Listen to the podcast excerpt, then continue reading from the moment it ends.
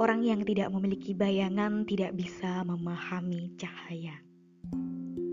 Sebuah kutipan dari buku I Want to Die But I Want to Eat Topoki karya Beksehi dibacakan oleh Kalpa Sastra.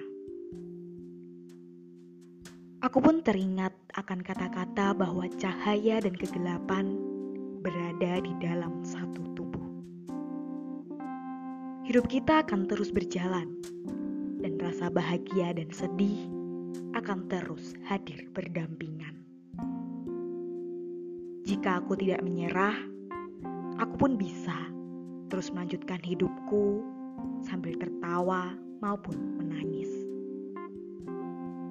Pada akhirnya, buku ini berakhir bukan sebagai pertanyaan maupun jawaban, melainkan sebagai sebuah harapan.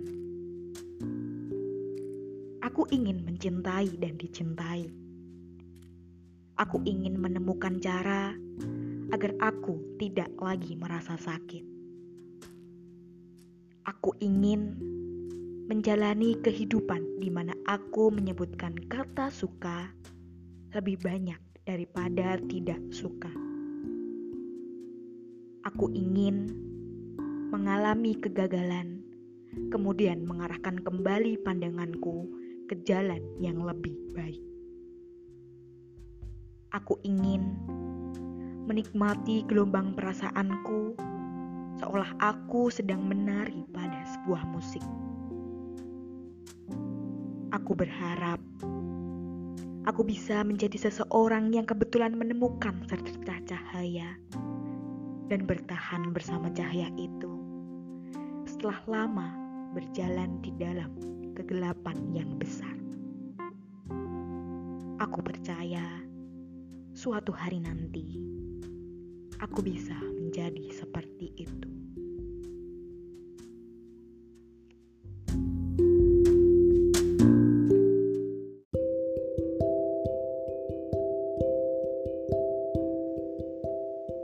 Padahal aku hidup dengan biasa-biasa saja, tetapi mengapa hatiku terasa kosong? Sebuah kutipan dari buku I Want to Die But I Want to Eat Topoki karya Baksehi dibacakan oleh Kalpa Sastra. Aku pikir seni adalah sesuatu yang bisa menggerakkan hati manusia. Seni memberiku rasa percaya.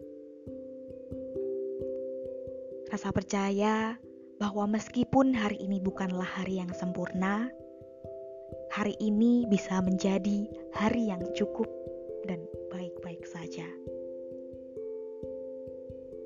Rasa percaya bahwa hidup adalah ketika meskipun aku merasa depresi seharian penuh, aku masih bisa tersenyum hanya gara-gara sebuah hal kecil sekalipun. Kini aku juga tahu bahwa menunjukkan sisi gelap dari diriku adalah sama normalnya. Seperti saat aku menunjukkan sisi terang dari diriku. Aku melakukan seni dengan caraku sendiri Aku ingin bersungguh-sungguh mendekat pada hati seseorang tanpa ada motif tersembunyi dalam